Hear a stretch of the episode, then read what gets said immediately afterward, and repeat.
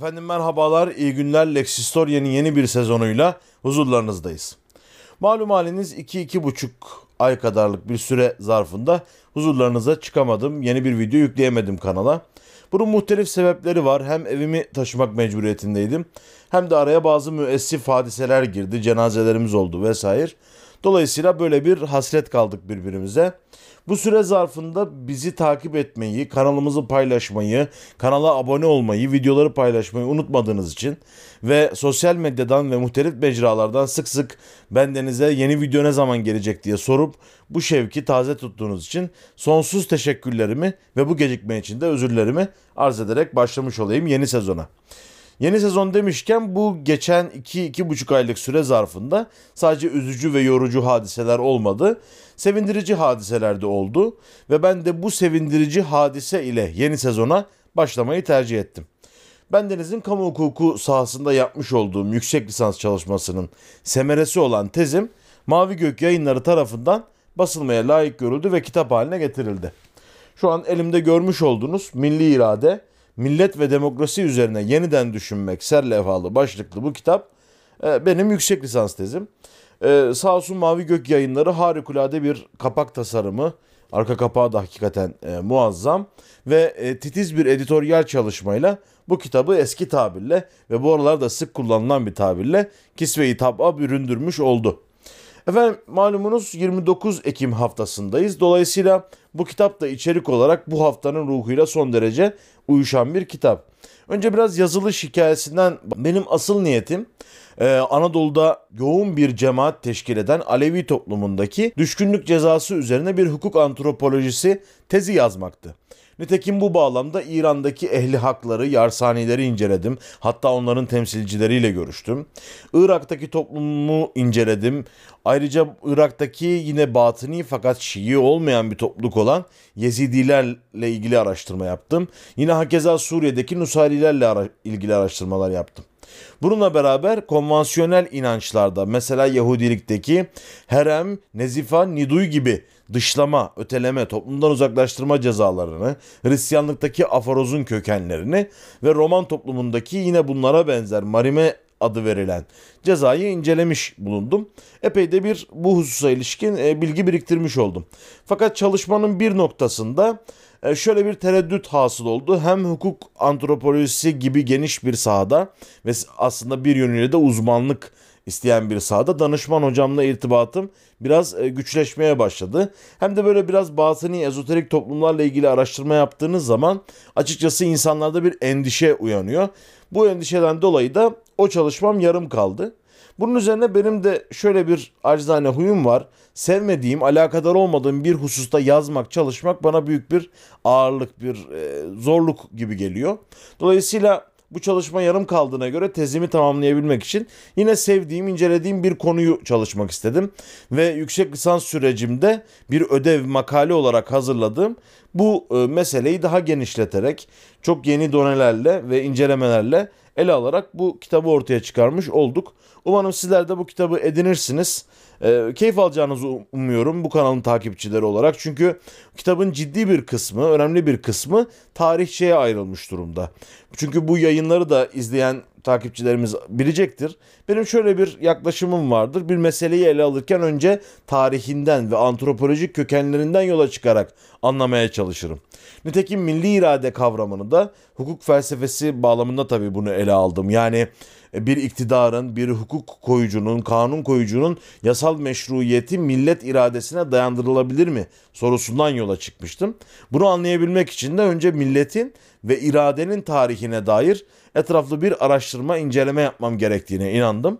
Dolayısıyla kitabın önemli bir kısmı tarihçe kısmını içeriyor ve buradaki kendi yaklaşımımı, e, kendi anlatım biçimimi içeriyor. İkinci kısımda demokrasi ve milli irade kavramına getirilmiş eleştirileri derli toplu bir şekilde bulabileceksiniz ve aydınlanma düşüncesini etkilemiş. Hatta 29 Ekim haftasında izledim ya Türkiye Cumhuriyeti'nin de kuruluşuna öncülük etmiş Jean-Jacques Rousseau'nun ve Sieyes'in e, millet ve milli irade görüşlerine dair etraflı bir inceleme söz konusu. İkinci bölümde. Üçüncü bölümde de yasal meşruiyet meselesine giriyorum. Milli iradenin yasal meşruiyete dayanak olup olamayacağını tartışıyorum. Şayet yasal meşruiyete dayanak olmayacaksa milli irade ve demokrasi niçin önemlidir sorusuna bir cevap aramaya çalışıyorum.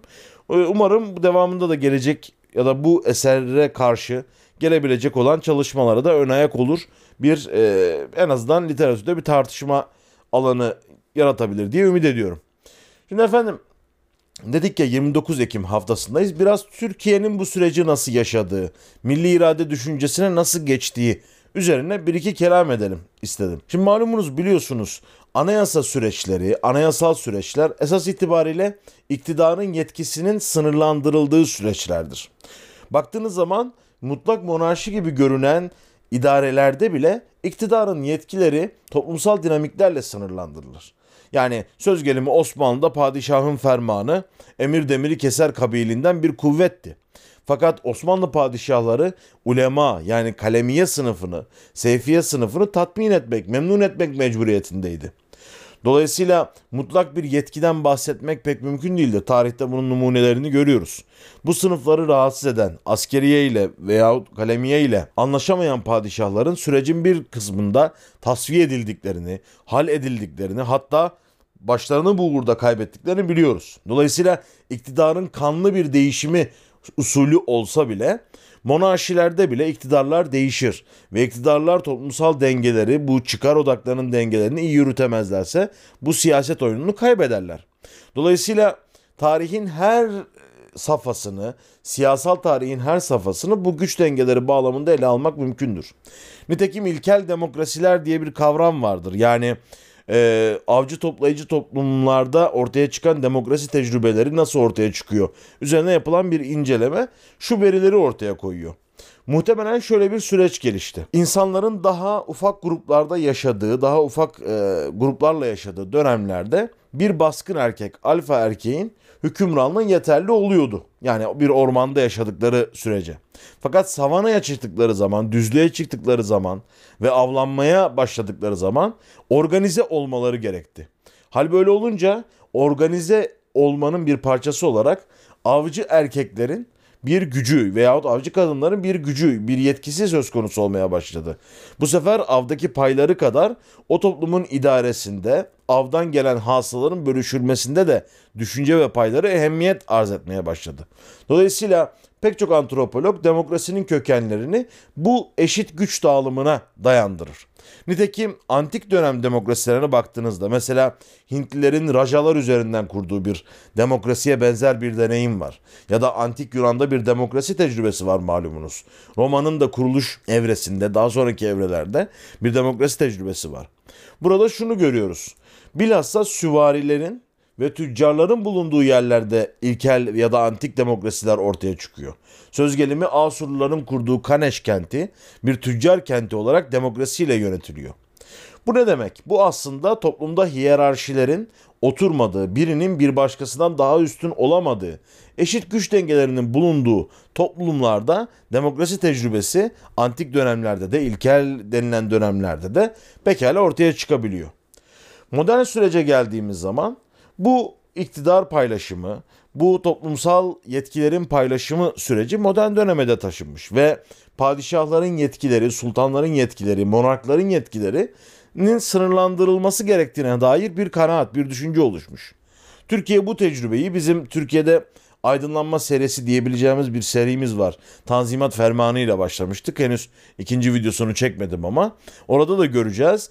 Padişahın yetkilerini peyderpey kısıtmaya, kısıtlamaya başlamıştı aslında Osmanlı toplumu.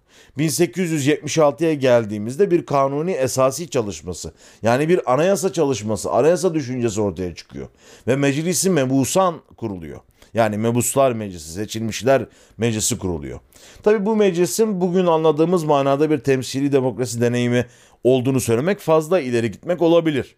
Ama netice itibariyle bir temsil düşüncesinin Osmanlı toplumuna girdiğini görüyoruz. Nitekim 1908 sonrasında da bu tecrübe yenileniyor ve ikinci meclisi mebusan bir Türkiye'nin demokrasi tecrübesine e, attığı bir adım olarak ortaya çıkıyor. Tabi burada da sopalı seçimler olmuştur, pek çok kavgalar olmuştur. Baba Ali baskını gibi kanlı vakalar olmuştur. Dolayısıyla demokrasinin yerleşmesi, kemikleşmesi oldukça zor bir hale gelmiştir. Nitekim 1913, 12 ve sonrasında e, artık bir İttihat Terakki hükümeti söz konusudur. İttihat Terakki'nin her tarafa hakim olma vaziyeti söz konusudur. Dolayısıyla o demokrasi tecrübesi bir çok sesli tartışma ortamı değil, neredeyse tek sesli bir parti diktasına doğru dönüşmüştür. Dolayısıyla biz Birinci Dünya Harbi'ne bu deneyimlerden geçerek geldik. Birinci Dünya Harbi'ne geldiğimiz esnada Osmanlı toplumu büyük ölçüde bölünmüş, dağılmış vaziyetteydi zaten. Yani Osmanlı'nın ana karasını oluşturan, ana kıtasını oluşturan Rumeli büyük ölçüde kaybedilmişti Balkan harpleriyle birlikte. E, Hicaz coğrafyasında Birinci Dünya Savaşı esnasında kayıplarımız oldu malum. E, Arap coğrafyası içerisinde peyderpey kayıplarımız Libya gibi söz konusuydu. Ki zaten kuzeydeki hakimiyeti büyük ölçüde kaybetmiştik. Yani Osmanlı milletler topluluğu yavaş yavaş ve kanlı bir biçimde dağılmaya başlamıştı. Nitekim daha sonra teba-ı sadıka ya da millet-i sadıka dediğimiz Ermenilerle aramızda da çok kanlı hadiseler vuku bulacaktı ki bu da ayrışmanın bir başka parçasıydı. Esas itibariyle Sırp isyanıyla başlayan milliyetçi isyanlar Osmanlı milletler toplumunu e, dağıtmaya başlamıştı. Osmanlı aydınları önce bu dağılışa karşın bir Osmanlılık bilinci yani bir Amerikalılık gibi, Avustralyalılık gibi yani göçmen de olsak farklı etnik gruplardan da olsak biz bu ülkenin vatandaşı olarak eşitiz ve bir aradayız düşüncesini ortaya koymaya çalıştılar. Fakat bu dağılmadan sonra bir ulus devlet kurmakta ki o dönemin trendi buydu. Türkiye'nin çok geç kaldığı anlaşıldı. Netice itibariyle Türkler hala bir ulus olarak kendilerini göremiyorlardı. Osmanlı toplumunun bir parçası olduklarının bilincindeydiler ama ulus bilinci yani Türk ulusu bilinci henüz yerleşmemişti. Nitekim Yakup Kadri'nin Yaban romanında bunu çok güzel görürüz. Bir İstiklal Harbi'ne katılan subay bir köye gider ve der ki siz Türk değil misiniz? Niye bu harbe destek vermiyorsunuz? Karşısındaki köylünün ona verdiği cevap çok manidardır. Bu çok sosyal medyada da paylaşıldı. Aman beyim estağfurullah sizin Türk dediğiniz Haymana'da yaşar diye bir cevap veriyor. Yani Türk olduğunun bilincinde değil halk. Elbette ki bazı etno semboller e, mevcuttu. Yani örfüyle, ananesiyle, diliyle bu insanlar her açıdan Türktü. Hatta biraz daha sorsanız, eşeleseniz ben Türk'üm derdi mutlaka. Fakat bunun bir vatandaşlık, eşit yurttaşlık bağlamında ortaya konması henüz mümkün değildi. Tabii ki Türk milliyetçiliği doğmuştu ve aydınlar bu hususta yazılar kaleme alıyorlardı. O dönemde pek çok isim sayabiliriz başta Ziya Gökalp olmak üzere. Fakat dediğim gibi bir Türk ulusu bilinci henüz doğmamıştı. Dolayısıyla Birinci Dünya Savaşı'nın sonuna geldiğimizde kurucu babaların, elitlerin elinde iki tane problem söz konusuydu. Bunlardan birincisi biz elimizde kalan topraklarda bir ulus bilincini nasıl yaratabiliriz, nasıl oluşturabiliriz? Bu sorun, bu problematik vardı. İkincisi de biz bu ulusu nasıl irade sevk edecek ve iradesini beyan edecek hale getiririz ve bir temsili de olsa bir demokrasi deneyimini bu toplumda nasıl yaşatabiliriz problemi vardı. Çünkü bunlar Osmanlı'nın 1820'lerden itibaren tartışa geldiği, konuşa geldiği mevzulardı. Elbette bu süreç harbin yarattığı yıkımla birlikte belli açılardan kolaylaştı. Yani saltanatın ilgası, padişahın gönderilmesi pekala mümkün oldu. Çünkü padişah prestijini kaybetmişti. Neredeyse Ortaköy Beşiktaş hattında e, hilafet edecek, saltanat edecek vaziyete gelmişti. Dolayısıyla toplumun da bu tarz gelişmelere karşı reaksiyon gösterecek, hani ta, teknik tabiri budur, karşı devrimci bir harekete girişecek bir kuvveti yoktu. Dolayısıyla 1923'e geldiğimiz zaman Cumhuriyet ilan edilmiş oldu. Ha bundan evvel yok muydu? Aslında fiili olarak vardı. Ancak 1923'te Cumhurbaşkanı'nın yetkileri belirlendi bir bakıma. Çünkü Cumhuriyet en temelde biliyorsunuz devleti yönetenin, devlet başkanının halk tarafından seçildiği ya da halktan biri olduğu respublika yani kamu işleri, kamu alanı e, diyoruz biz buna. Bu kamu alanının doğrudan kamudan çıkmış biri tarafından idare olunmasına verilen isimdir. Yani bir cumhuriyet antidemokratik eylemlerde de fiillerde de bulunabilir. Antidemokratik müesseseleri de olabilir. yine de respublika olur. Halk tarafından bir şekilde başa geliyorsa, halktan biri e, olarak başa geliyorsa Cumhurbaşkanı. E, bununla birlikte demokrasi daha ileri bir safhayı temsil eder. Devletin başkanı hangi usulle geliyor olursa olsun seçimle idare olunan ve e, halkın serbest seçimlerine dayanarak ve onların görüşleri dikkate alınarak idare olunan rejimi temsil eder ki Demoskratos yani halkın iktidarı, halkın gücü de budur. Esas aranan da budur. Nitekim bugün demokratik ülkeler olduklarından şüphe etmeyeceğimiz ve hatta demokrasi örneği olarak gösteren İngiltere gibi, Kuzeybatı Avrupa'daki pek çok anayasal monarşi gibi devletlerde demokrasiden bahsedebiliriz. Beri yandan Çin Halk Cumhuriyeti gibi ya da Latin Amerika'daki e, bazı cumhuriyetler gibi e, cemahiriye idarelerinde yani kamusal idarelerde pekala antidemokratik uygulamaların, antidemokratik kurumların bulunduğunu hatta ve hatta bazılarında seçimin bile doğru düzgün yapılamadığını söyleyebiliriz. Dolayısıyla cumhuriyet ve demokrasi birbirlerini tamamlayan e, kavramlar asıl burada ulaşılması gereken de demokrasi. Biz mevzumuza geri dönecek olursak 1923'te ilan edilen aslında Cumhurbaşkanı'nın daha doğrusu devletin başının halk tarafından seçilmiş ya da halkın içinden biri olacağının ilanıdır. Ki bu da aslında saltanatın kaldırılmasıyla 1922'den beri e, gelen bir sürecin e, neticesidir. Dolayısıyla 1923 bir malumun ilamıdır bir tarafıyla. Beri yandan bu sorun bir ölçüde çözülmüş gibi duruyordu. 1924'te e, ki ikinci meclis sürecine kadar daha sonraki süreçlere kadar daha doğrusu e, bu süreçlerde şu görüldü ki pekala bir meclis vardı. Burada halktan gelen temsilciler söz konusuydu. Her ne kadar bir meclis hükümeti idaresinden bahsolunabilse bile e, böyle bir sistem bir şekilde oturmuştu. Yani bu seçme seçilme meselesi büyük ölçüde çözüldü. Zaten daha sonraki yıllarda kadınlara da seçme seçilme hakkı verildi ve böylece evrensel oy prensibi dünyanın pek çok ülkesinden çok daha erken bir vakitte Türkiye'de yerleşmiş oldu. İkinci problem nasıl çözüldü denilecek olursa, ikinci problem de bir Türk ulusunun inşası meselesi üzerinden gitti. Türk ulusu nasıl inşa edilebilirdi? Buradaki tezlerden bir tanesi, bugün artık bizim naif bir e, görüş olarak gördüğümüz, bir ölçüde de çocuksu bulduğumuz bir çözümdü. O da şu idi.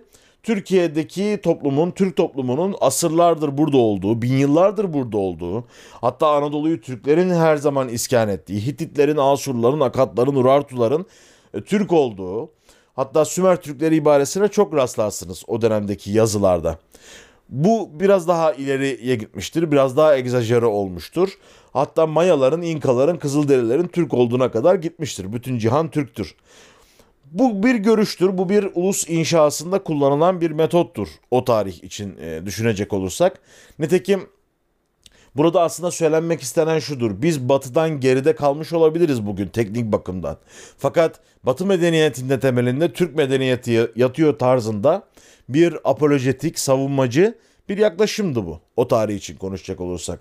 Nitekim buna benzer yaklaşımların halen daha başka unsurlar tarafından sürdürüldüğünü görüyoruz. Yani Batı bu tekniği bizden aldı efendim geçiniz bunları diye halen daha bir savunma biçimi var değil mi? Aslında Türk ulusuna dair e, bu görüşün böyle bir yanı var. Bir yanıyla da Anadolu topraklarındaki Türk varlığına karşın tehdide karşılık bir cevap üretmek. Biz buranın otokton, asli unsuruyuz demek bağlamında ortaya çıkmıştı bu, e, bu tezler.